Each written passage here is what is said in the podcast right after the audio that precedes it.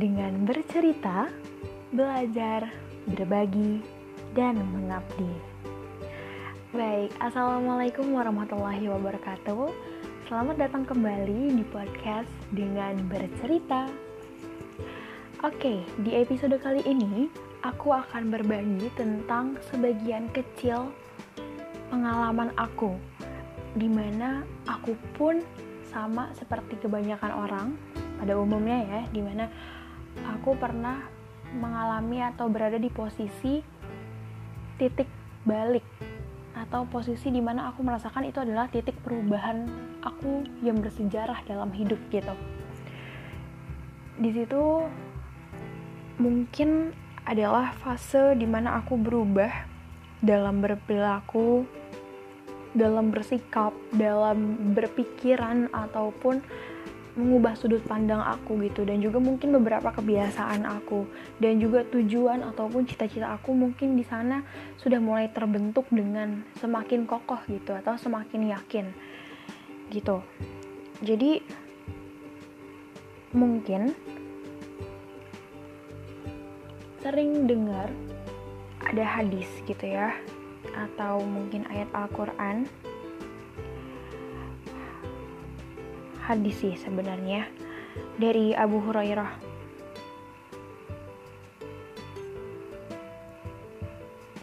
Mungkin kita sering atau pernah mendengar gitu sebuah hadis yang akan aku bacakan berikut ini yakni dari Abu Hurairah radhiyallahu anhu. Beliau mendengar bahwa Rasulullah Shallallahu Alaihi Wasallam telah bersabda, "Setiap umatku dimaafkan kecuali orang yang terang-terangan dalam bermaksiat, yaitu seseorang yang telah berbuat dosa di malam hari, lantas di pagi harinya ia berkata bahwa ia telah berbuat dosa ini dan itu, padahal Allah telah menutupi dosanya. Pada malam harinya Allah telah menutupi aibnya." Namun di pagi harinya ia membuka sendiri aib yang telah Allah tutupi. Hadis riwayat Bukhari nomor 6069 dan hadis riwayat Muslim nomor 2990. Dan mungkin beberapa hal lainnya gitu yang pernah aku dengar gitu ya atau teman-teman dengar bahwasanya mungkin beberapa cerita atau kisah hidup kita terdahulu itu sebaiknya itu tidak diungkap kembali atau diulas kembali karena sejatinya telah Allah tutupi aib-aib kita dengan sedemikian rupa sehingga sejatinya kita sebagai manusia seharusnya itu bersyukur dan berterima kasih kepada Allah karena telah menjaga diri kita gitu dari keburukan-keburukan yang pernah kita lakukan. Nah, di episode kali ini akan aku ceritakan sebenarnya bukan suatu aib gitu ya teman-teman, tapi di sini adalah suatu fase di mana aku mengalami proses pendewasaan. Sebenarnya bukan hal yang buruk, tetapi hal yang bisa saja menghambat atau memiliki potensi untuk hmm, justru membuat aku menjadi lebih tidak baik atau tidak berkembang gitu ke depannya ketika aku tidak melewati fase ini. Yang akan aku ceritakan adalah fase ini dan bagaimana bisa aku berubah gitu atau melewati fase-fase ini. Jadi ceritanya adalah sejak zaman SD gitu ya. Mungkin teman-teman sekalian yang berkesempatan atau tidak sengaja mendengar podcastku ini atau yang mengenal ini suara siapa dan tahu gitu ya dulu kejadiannya seperti apa. Dulu waktu SD yang paling pertama kali aku alami adalah ketika SD di mana di situ setiap ada kelas ada materi yang disampaikan oleh guru-guru tentu di akhir kelas atau di, di akhir penyampaian materi pasti guru itu akan membuka sesi tanya jawab ya. Dan di sana biasanya aku banyak hal yang aku ingin tanyakan karena aku memang tidak mengerti gitu. Atau mungkin memang aku sekadar ingin bertanya aja gitu tapi sayangnya aku itu nggak berani. Aku adalah seorang yang pemalu, seorang yang tiba-tiba merasa kehilangan kekuatan, kekuatan nyali, kekuatan kemampuan dan itu rasanya beneran yang secara fisikal ya aku rasa eh, secara fisiologis yang aku rasain adalah langsung deg-degan, keringet dingin, tangan dingin, sakit perut, mules, bener-bener yang gejala-gejala uh, kecemasan yang aku rasain itu ketika aku emang ada sesuatu hal yang ingin aku tanyakan tapi aku nggak mampu gitu berbicara di depan umum aku paling nggak bisa menjadi spot center di depan orang banyak gitu jadi biasanya yang aku lakukan waktu itu adalah memanfaatkan teman kanan dan kiriku untuk menanyakan hal apa yang ingin aku tanyakan. Dan aku inget banget hampir setiap proses atau sesi bagi rapot ya di setiap akhir semester kan ada bagi rapot ya pertemuan antara orang tua dengan wali kelas membagikan hasil evaluasi pembelajaran selama satu semester pasti feedback yang disampaikan oleh wali kelas kepada orang tuaku adalah anak ini punya kemampuan anak ini bisa tapi satu hal yang perlu diperbaiki ataupun ditingkatkan adalah belajar untuk berani berbicara aku punya teman, aku bisa bersosialisasi, aku bisa berinteraksi dengan orang lain gitu ya. Aku punya teman, punya sahabat, ngobrol dengan guru juga aku bisa, tapi rasanya ada hal yang aku tutupi. Aku bukan menjadi diriku sendiri ketika aku ngomong sama orang yang belum terlalu aku kenal, bahkan sesimpel dengan wali kelasku, guru-guru gitu. Padahal mereka sebaik itu, aku tahu mereka baik, mereka tidak akan melukai atau menyakiti aku apalagi gitu ya. Karena konteksnya ya memang bertanya kabar, ngajak ngobrol sehari-hari, tapi aku selalu menjawab dengan gestur tubuh yang tertutup gitu ya. Mungkin secara psikologi itu akan sangat terbaca gitu. Aku yang tidak berani menatap orang lain, selalu pasti cara aku melarikan diri atau flight ya istilahnya, aku selalu bilang nggak tahu. Apa-apa kalau ditanya nggak tahu, nggak tahu. Gitu. Jadi memang itu adalah suatu feedback yang awalnya memang ya udah itu menjadi input biasa gitu. Tapi lama kelamaan orang tuaku bertanya-tanya gitu ada apa sih sebenarnya? Kenapa ini? Nggak bisa nih uh, berubah-berubah ini loh gitu. Dan sempat ada di titik yang uh, mengkhawatirkan gitu mengkhawatirkan kondisi aku yang kenapa gitu? Bertanya-tanya kenapa sih nggak berani ngomong di depan publik di depan orang? Karena karena sebenarnya uh, banyak gitu rasanya kelebihan. Di samping banyaknya kekuranganku maksudnya aku punya suatu kelebihan lain. Aku bisa melakukan hal-hal lain gitu. Tapi apa yang membuat aku malu apa yang membuat aku minder gitu. Apa yang membuat aku rendah diri di hadapan orang lain gitu. Dan rasanya itu adalah suatu hal yang perlu diubah dihilangkan gitu. Sampai akhirnya aku masuklah ke jenjang SMP aku masuk ke jenjang SMP pun ketika proses aku masuk ke SMP aku itu belum menemukan aku masih iya uh, iya iya aja di sana posisinya. Aku itu terbiasa memang diarahkan, diarahkan dan dipilihkan sebenarnya jatuhnya ya sama orang tua. Uh, kamu bagusnya ini, kamu bagusnya itu. Jadi aku harus nurut-nurut aja gitu.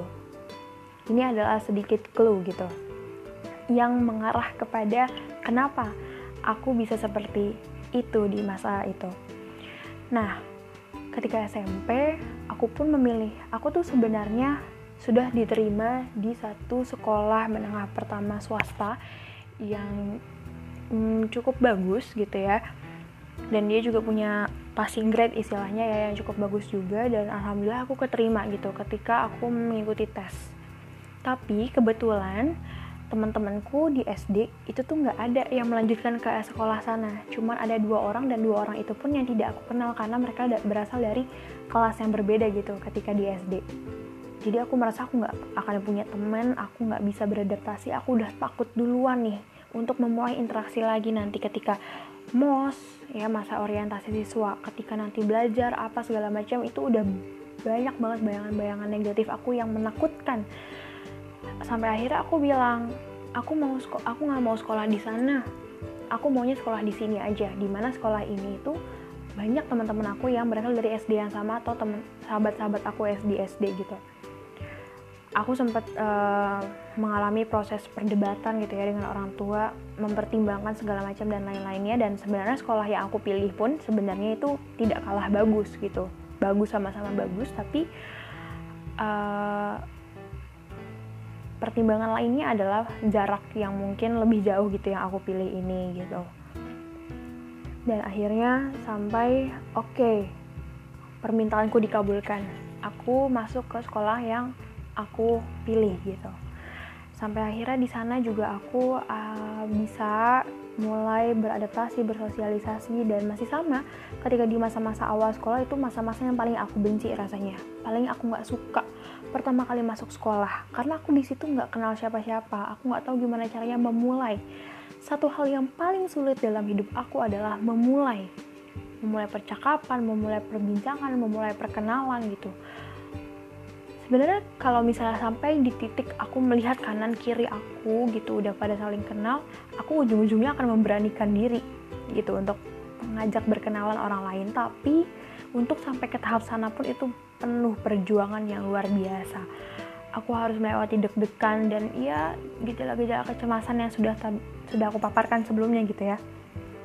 Nah sampai akhirnya orang tuaku menyarankan agar aku ikut aktif gitu ya dalam kegiatan ekstrakurikuler dan juga kokurikuler yaitu OSIS.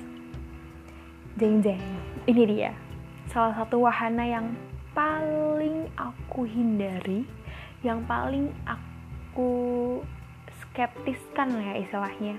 Kayak OSIS tuh apa, untuk apa, gimana caranya kok bisa orang-orang masuk OSIS gitu.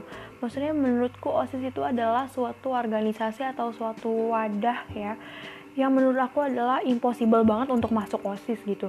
Untuk orang tipe aku gitu aku mungkin bisa gitu ikut lomba ini, lomba itu mata pelajaran itu pun karena memang dibimbing sama orang tua aku dalam hal belajar akademik gitu ya. Tapi dalam hal bersosialisasi, coba bayangkan ketika aku memulai percakapan dengan orang lain aja itu adalah suatu momok gitu buat buat aku.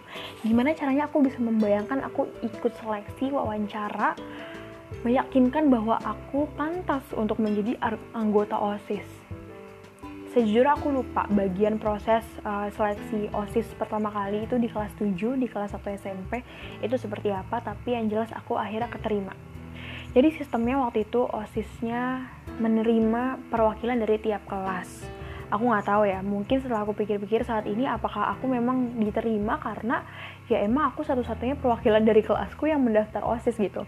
Dari 24 orang di kelasku waktu itu aku kelas 7A kelas 7A ini emang gak ada lagi yang daftar OSIS selain aku gitu.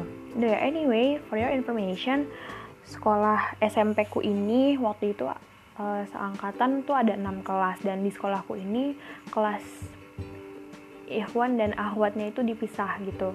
Jadi kelasku memang 24 orang ini perempuan semua gitu. Jadi ada 13 ada tiga kelas putra dan tiga kelas putri. Nah, sampai akhirnya balik lagi sampai akhirnya aku diterima di OSIS dan hmm, selama aku menjalani sebagai anggota OSIS yang notabene setiap minggunya kayak seminggu sekali itu harus ikut rapat benar-benar momen-momen yang paling menyiksa buat aku jujur.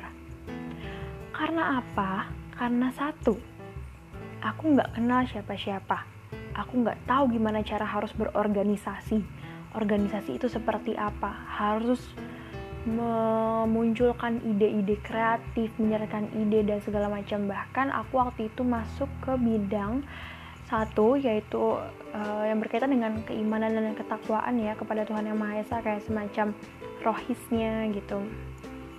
Uh, yang berkaitan dengan agama-agama Islam dan aku juga nggak tahu aku menjalankan broker apa gitu saat itu. Dan saat itu jadi oh ya yeah, anyway jadi uh, eh, SMP sama SD aku ini satu yayasan yang sama. Dan untuk tingkat SD-nya itu sebenarnya ada dua SD Ad, ada dua SD jadi ada SD yang di lokasi A dan di lokasi B gitu. Nah kebetulan anak-anak yang menjadi anggota OSIS ini adalah mostly 90% itu berasal dari SD yang ada di lokasi B. Itu kebetulan banget. Dan yang berasal dari lokasi A ini cuman aku dan dua orang kakak kelas waktu itu. Dua-duanya cowok pula.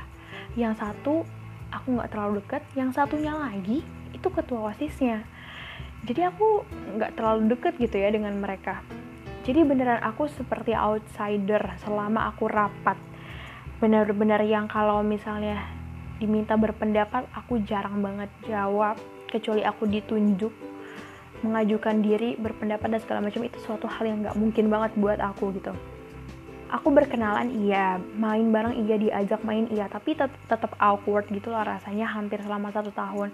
Sampai akhirnya ada di masa program namanya pensil pentas seni islami.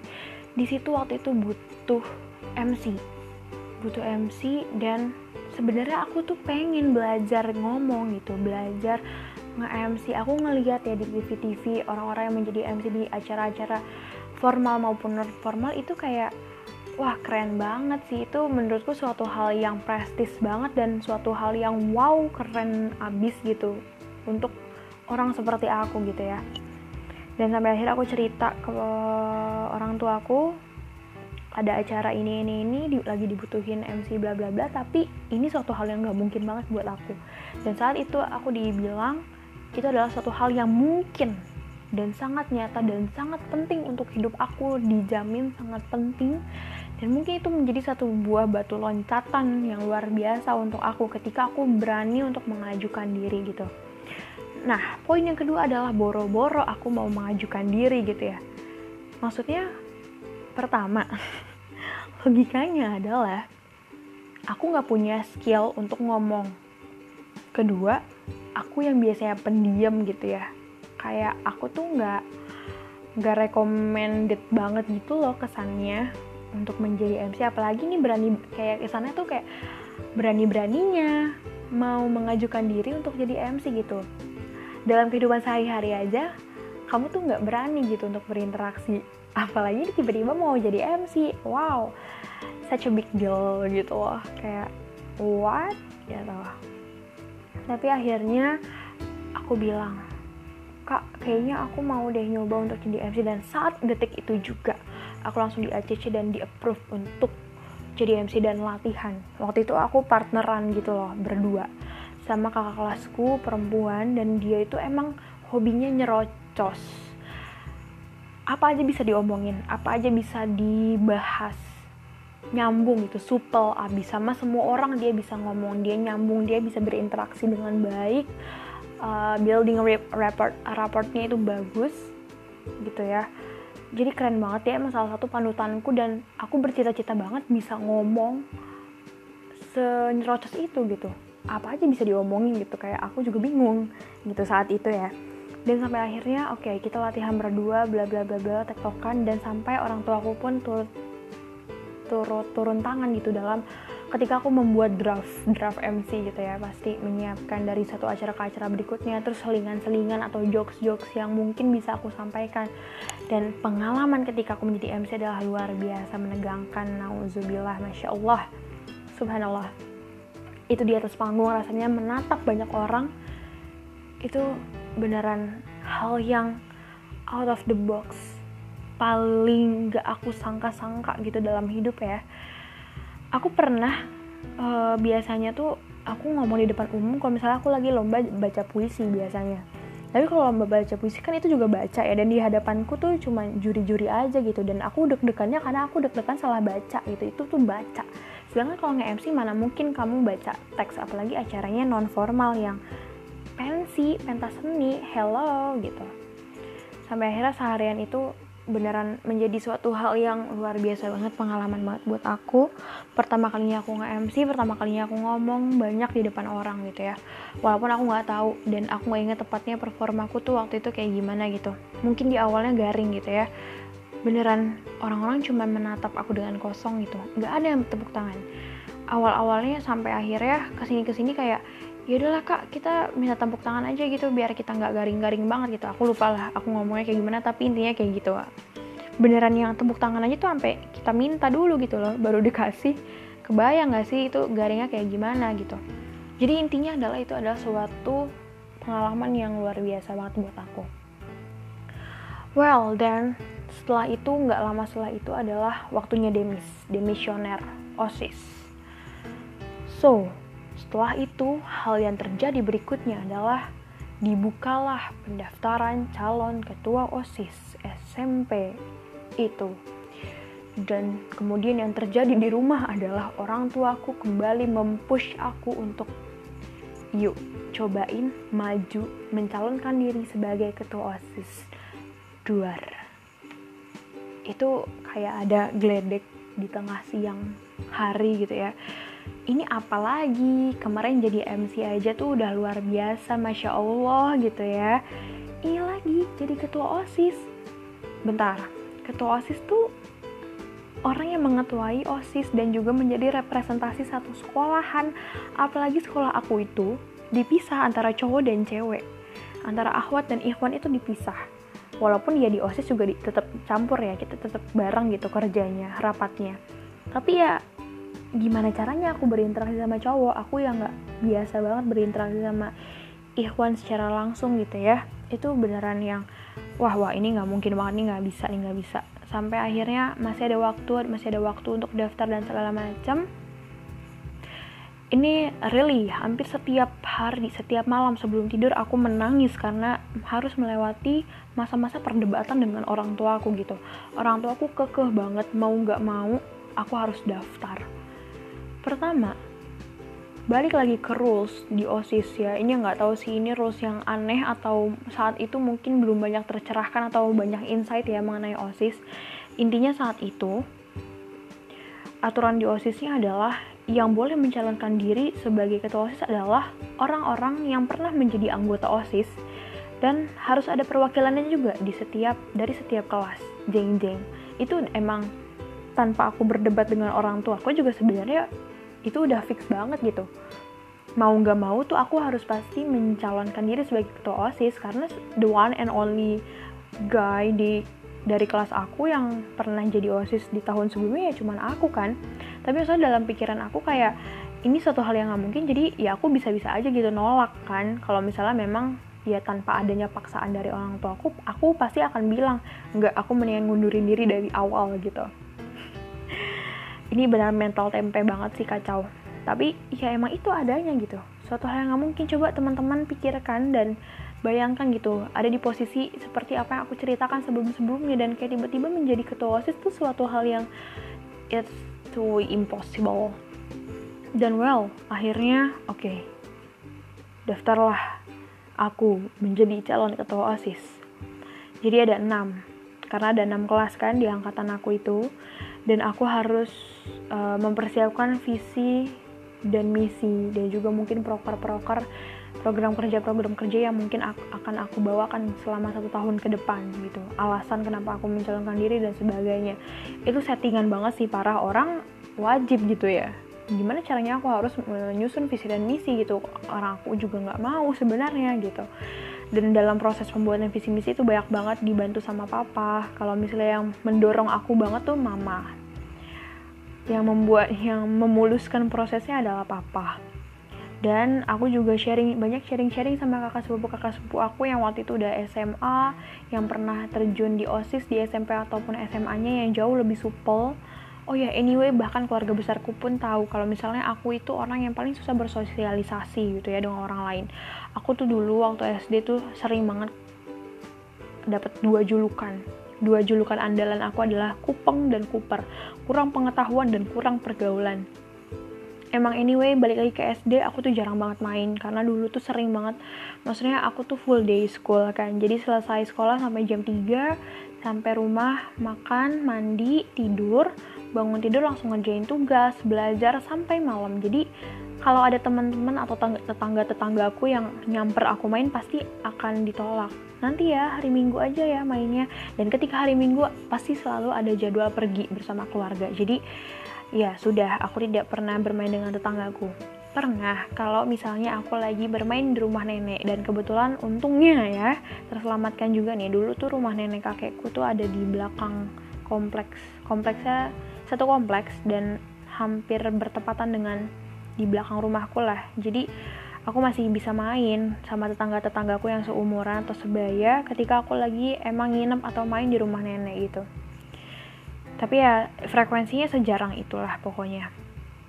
Balik lagi sampai akhirnya aku menyiapkan merancang visi dan misi dan anyway aku waktu itu kelas RSBI atau intinya yang bilingual lah ya WI wawasan internasional. Gaya banget ya jadi intinya adalah aku tuh bikin visi dan misinya itu pakai bahasa Indonesia. Tapi aku menyiapkan intro per perkenalan diri sampai alasan kenapa aku mencalonkan ketua OSIS sama closingnya itu pakai bahasa Inggris gitu. Dan itu nggak tahu sih itu ngide banget. Dan kayaknya itu saran mama sih kalau nggak salah. Benerannya aku mempersiapkan itu gitu.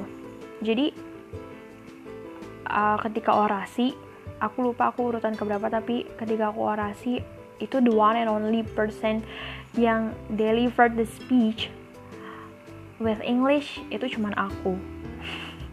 Dan aku gak ngerti itu ide banget setelah aku pikir-pikir kayak eh emang disuruh emang boleh ya kayak gitu? Dan masalah itu cuma masalah itu setengah-setengah gitu loh.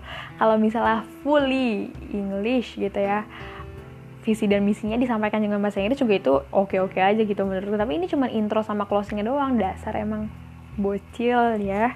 Jadi yaudah tersampaikanlah semua itu dan well teman-teman sekelasku mendukung biasa seperti biasa dan sebagainya. Dan anyway sebenarnya aku tahu gitu dan kalau teman-teman sekelasku ada yang denger ini juga ya nggak apa-apa. Aku nggak marah atau sedih kecewa atau sebagainya karena aku tahu kalian semua itu sebenarnya nggak mendukung aku sebagian mendukungnya itu uh, perwakilan dari kelas yang lain. Karena ya emang emang emang perwakilan dari kelas lain itu emang teman atau sahabat mereka gitu dari SD kan. Dari SD yang di berbeda lokasi yang tadi aku bilang gitu.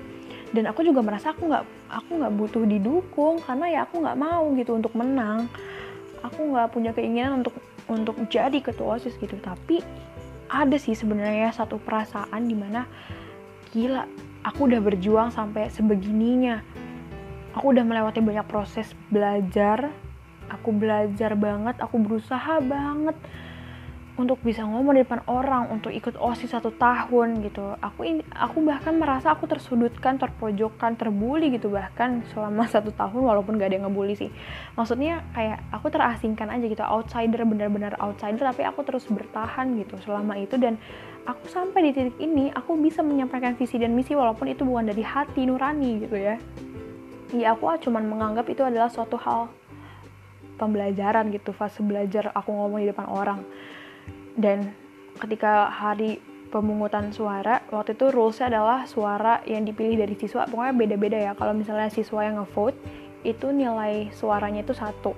Kalau misalnya guru suaranya guru-guru suaranya tiga kalau kepala sekolah suaranya 5 atau 10 gitu kalau nggak salah ya. Dan ya udah teman-temanku oh ya selama kampanye juga teman-temanku yang bantuin aku bikin poster gitu. Aku sosialisasi ke kelas-kelas aku coba aku mempromosikan diri supaya orang-orang pada milih aku gitu kan. Luar biasa banget emang. Nah abis itu abis itu pas pemungutan suara itu benar deg-degan banget deg-degan banget. Aku yakinnya adalah ya dari kelas lain lah yang menang gitu. Siapa sih yang mau milih aku gitu? Orang-orang kayaknya juga notice ada aku di SMP itu juga ketika aku nyalon jadi ketua osis kayaknya deh. Sebelum-sebelumnya juga kayaknya nggak ada yang kenal gitu sama aku kan.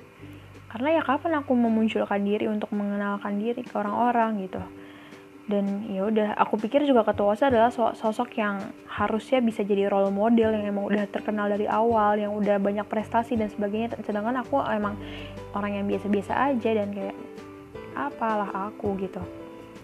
Dan finally sampai akhirnya suaraku tuh balapan dengan dua kandidat lainnya yang satu perempuan dan satu laki-laki.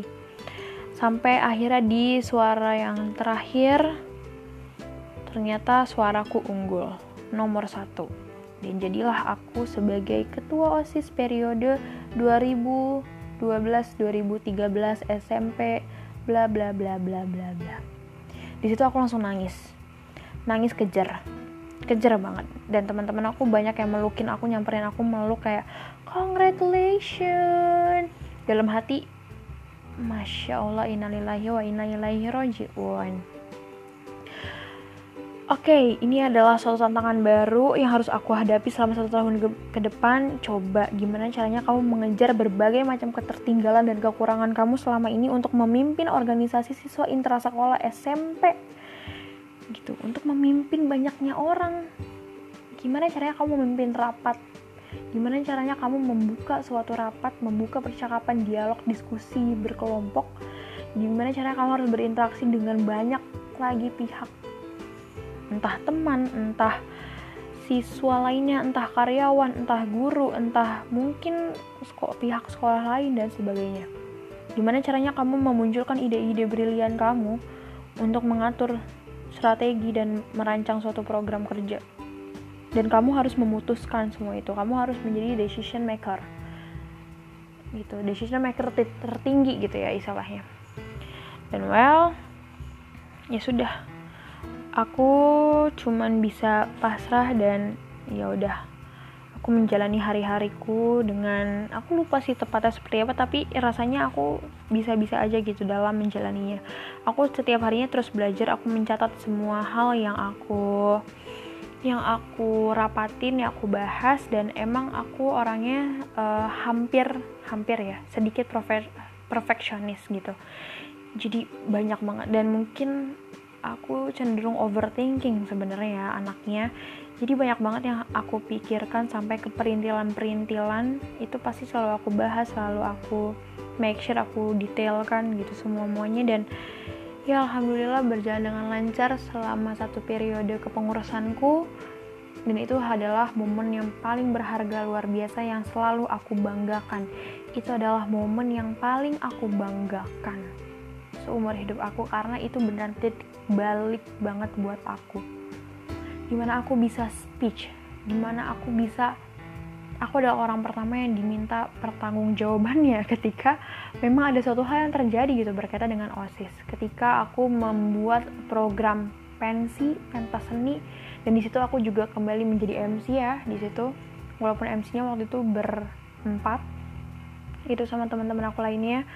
Terus juga ngadain kelas meeting yang luar biasa sukses dan banyak hal lainnya lah. Yang sampai akhirnya aku menjadi mungkin uh, sedikit banyaknya yang aku dapat adalah kabar-kabar yang baik gitu. Dan saat itu uh, aku adalah sosok ketua osis kedua perempuan yang pernah ada dalam sejarah di SMP itu gitu ya. Dan setelah kepengurusanku banyak gitu. Ketua osis ketua osis yang perempuan gitu. Dan mungkin aku sebagai pembuka kembali gitu. Dan ketua kalau nggak salah ketua osis perempuan pertama di SMP itu tuh jaraknya 5 sampai 10 tahun di atas aku lah ya. Dan setelah aku emang banyak banget yang perempuan dan aku bersyukur sih dan aku berterima kasih banget sama Allah karena telah memberikan kesempatan yang luar biasa telah menggariskan aku untuk belajar untuk mengalami fase ini, fase yang menjadi titik balik perubahan aku ya besar-besaran gitu dalam hidup aku. Aku jadi punya tujuan, aku punya pandangan bahwa aku itu bisa. Ketika seseorang itu mau memiliki keinginan dengan kuat, punya kemauan, punya kesungguhan, punya tekad yang kuat, apa pun itu bisa terjadi. Segala hal itu mungkin. Hal yang tidak mungkin dikatakan itu hanya frase atau ungkapan dari seorang manusia gitu yang memberikan kemampuan, yang memberikan jawaban atas pertanyaan mungkin nggak sih? Itu cuma Allah yang tahu gitu. Segala hal itu mungkin. Dan bahkan kita juga tahu ya di salah satu ayat Al-Quran itu Allah pun bilang Allah akan merubah suatu kaum. Ketika kaum tersebut itu memang mau diubah atau mau berubah gitu. Jadi Allah bisa aja mengubah kita seperti apa yang kita mau asalkan memang kita perubahan itu tidak hanya sampai ke pikiran, tidak hanya sampai ke ucapan atau di ujung lidah aja gitu. Aku mau berubah gitu. Aku mau merubah diri, aku mau merubah kebiasaan, tapi tidak ada action plan, tapi tidak ada aksinya, percuma. Allah butuh melihat usaha kita dan juga upaya kita, ikhtiar dan doa itu benar-benar aku me, men, berusaha menyeimbangkan ya antara usaha aku belajar sambil deg-degan juga sambil bertanya meskipun aku masih wondering ya bertanya kayak mungkin gak sih Allah? Mungkin gak sih Allah? Dan aku pun berdoa gitu sama Allah untuk mm, dikuatkan dan diyakinkan bahwa aku tuh memang mampu aku tuh memang bisa gitu. Dan ya kodarullah banyak banget kemudahan-kemudahan yang Allah bersamai gitu sama kayak yang ada di surat Al-Insyirah juga gitu. Bersama dengan kesulitan pasti ada kemudahan. Allah selalu memberikan ujian memberikan tantangan bersamaan dengan solusinya gitu. Jadi nggak perlu khawatir gitu. Ketika kita merasa kurang dalam suatu hal pertama itu suatu hal yang wajar kedua kita harus mau merubahnya ketika kita harus mau mengupayakan dan mengusahakannya. Dengan cara ikhtiar usaha secara duniawi maupun berdoa. Gitu. Melangitkan usaha-usaha kita. Gitu. Jadi harus balance antara hablum minanas dan hablum minallah kita berusaha untuk memperbaiki hubungan kita dengan berbagi, dengan manusia. Dalam bersosialisasi itu kan suatu hal yang penting ya. Jadi berorganisasi juga memang suatu pembelajaran yang perlu atau menjadi basic landasan atau bekal manusia dalam berkehidupan gitu kan? Karena ya kita kan manusia sosial makhluk sosial gitu ya. Dan kita juga harus menjaga hubungan kita yang vertikal gitu kepada Allah. Dan ya semenjak itu aku jadi luar biasa uh, drastis gitu peningkatan hmm, rasa percaya diri aku. Bahkan aku jadi ketagihan sama organisasi. Bahkan sampai aku juga ada di fase-fase terendahnya aku dalam hidup secara general karena organisasi dalam artian organisasi ini dimaknakan sama orang tuaku ya menjadi suatu hal yang negatif atau memberikan dampak buruk sampai sebegitunya. Karena aku saking cintanya dan aku menemukan passion aku bener-bener di organisasi tapi salahnya adalah saat itu lagi-lagi aku terjerumus gitu. Aku belum bisa ketika di SMA ya aku belum bisa seimbang antara priori passion dan prioritas gitu. Aku benar-benar mengutamakan passion terus organisasi-organisasi rapat apa segala macam. Tapi aku mengesampingkan kewajibanku. Aku lagi-lagi lalai terhadap kewajibanku yaitu belajar akademik. Aku menomor dua kan akademik dibandingkan organisasi. Itu adalah suatu kesalahan ya teman-teman. Gitu. Dan intinya adalah kita harus tetap balance antara akademik dan non akademik gimana caranya kita mencapai cita-cita kalau misalnya kita tidak punya pengetahuan? Kita ketahui bahwa pondasi kuat seorang muslim seorang manusia lah adalah pondasi yang kuat adalah kekayaan wawasan atau ilmu pengetahuan yang kemudian harus diseimbangi dan dikokohkan dengan adanya keimanan gitu. Wawasan yang dimaksud adalah wawasan ya tentang ilmu pelajaran juga penting. Bukan bukan cuman gimana cara kita membranding diri bukan bukan hanya sekadar bagaimana kita berinteraksi sosial. Apa yang mau kita bicarakan atau kita negosiasikan dengan orang lain kalau misalnya kita tidak punya ilmunya kita yang ada kita bisa dibodoh-bodohi yang ada kita bisa dimanfaatkan ditipu daya dan sebagainya. Nauzubillah min zalik. Gitu. Jadi kita harus bisa memanfaatkan segala peluang yang ada segala hal yang bisa menjadikan kita pribadi yang lebih baik harus kita coba jalankan. Jangan pernah takut untuk mencoba gitu. Dan di SMA pun sama, aku masuk ke fase-fase di mana aku harus mencalonkan diri sebagai calon ketua OSIS lagi. Tapi kalau di OS, di SMA namanya itu Mitra Tama, calon Mitra Tama. Dan di SMA itu hmm, salah satu syaratnya mungkin sama. Uh, harus merupakan anggota atau pengurus OSIS yang sebelumnya. Dan dari 18 orang angkatanku diseleksi dulu sampai akhirnya masuk 10 besar. Dari 10 besar orasi visi misi diseleksi lagi jadi 5 besar. Dari 5 besar diseleksi lagi jadi 3 besar. Dan alhamdulillah aku masuk menjadi salah satu dari 3 besar ini dan harus orasi di depan semua warga SMA aku itu. Dan itu suatu hal lagi yang menjadi pembelajaran dan bahkan sampai kuliah pun kemarin, tepatnya di tahun kemarin 2019 di Fakultas Psikologi Universitas bla bla bla, aku pun mencalonkan diri sebagai ketua BEM. Dan uh, mungkin dalam sejarah fakultasku ya, itu paling banyak gitu calonnya. Ada empat calon ketua OSIS dan aku satu-satunya perempuan yang mencalonkan diri sebagai ketua OSIS. dan mungkin ini akan menjadi bahasan yang berbeda gitu ya intinya titik balik aku dalam hal keorganisasian dalam aku menemukan jati diri dan passion aku adalah ketika itu ketika aku akhirnya mendobrak diriku mendobrak batas-batas kemampuanku untuk berani berbicara berani untuk keluar dari zona nyaman untuk membebaskan segala keterkungkunganku ini gitu dari ketidaktahuan dunia gitu jadi semoga bisa bermanfaat apa yang sudah aku ceritakan dan bisa menjadi motivasi dan juga inspirasi untuk teman-teman yang masih ragu-ragu, masih eh, takut-takut untuk mencoba banyak hal, masih meragukan apakah dirinya mampu atau enggak. Jangan takut. Semua hal itu pasti Allah yang punya kehendak untuk memampukan. Allah maha memampukan, Allah maha segalanya, Allah maha tahu, Allah maha membolak-balikan hati Allah maha segalanya intinya. Apa pun bisa Allah kasih minta aja sama Allah. Pasti Allah kasih. Gitu.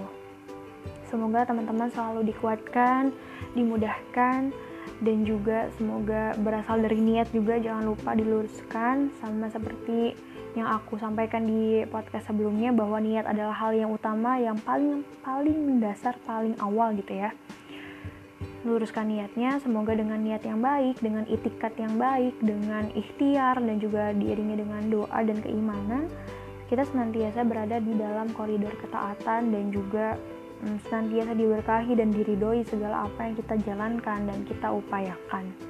Gitu. Terima kasih banyak sudah mau mendengarkan sampai detik ini. Dan semoga bisa diambil hikmah dan juga manfaatnya Kurang lebihnya mohon maaf. Yang benar hanyalah dari Allah Subhanahu wa taala.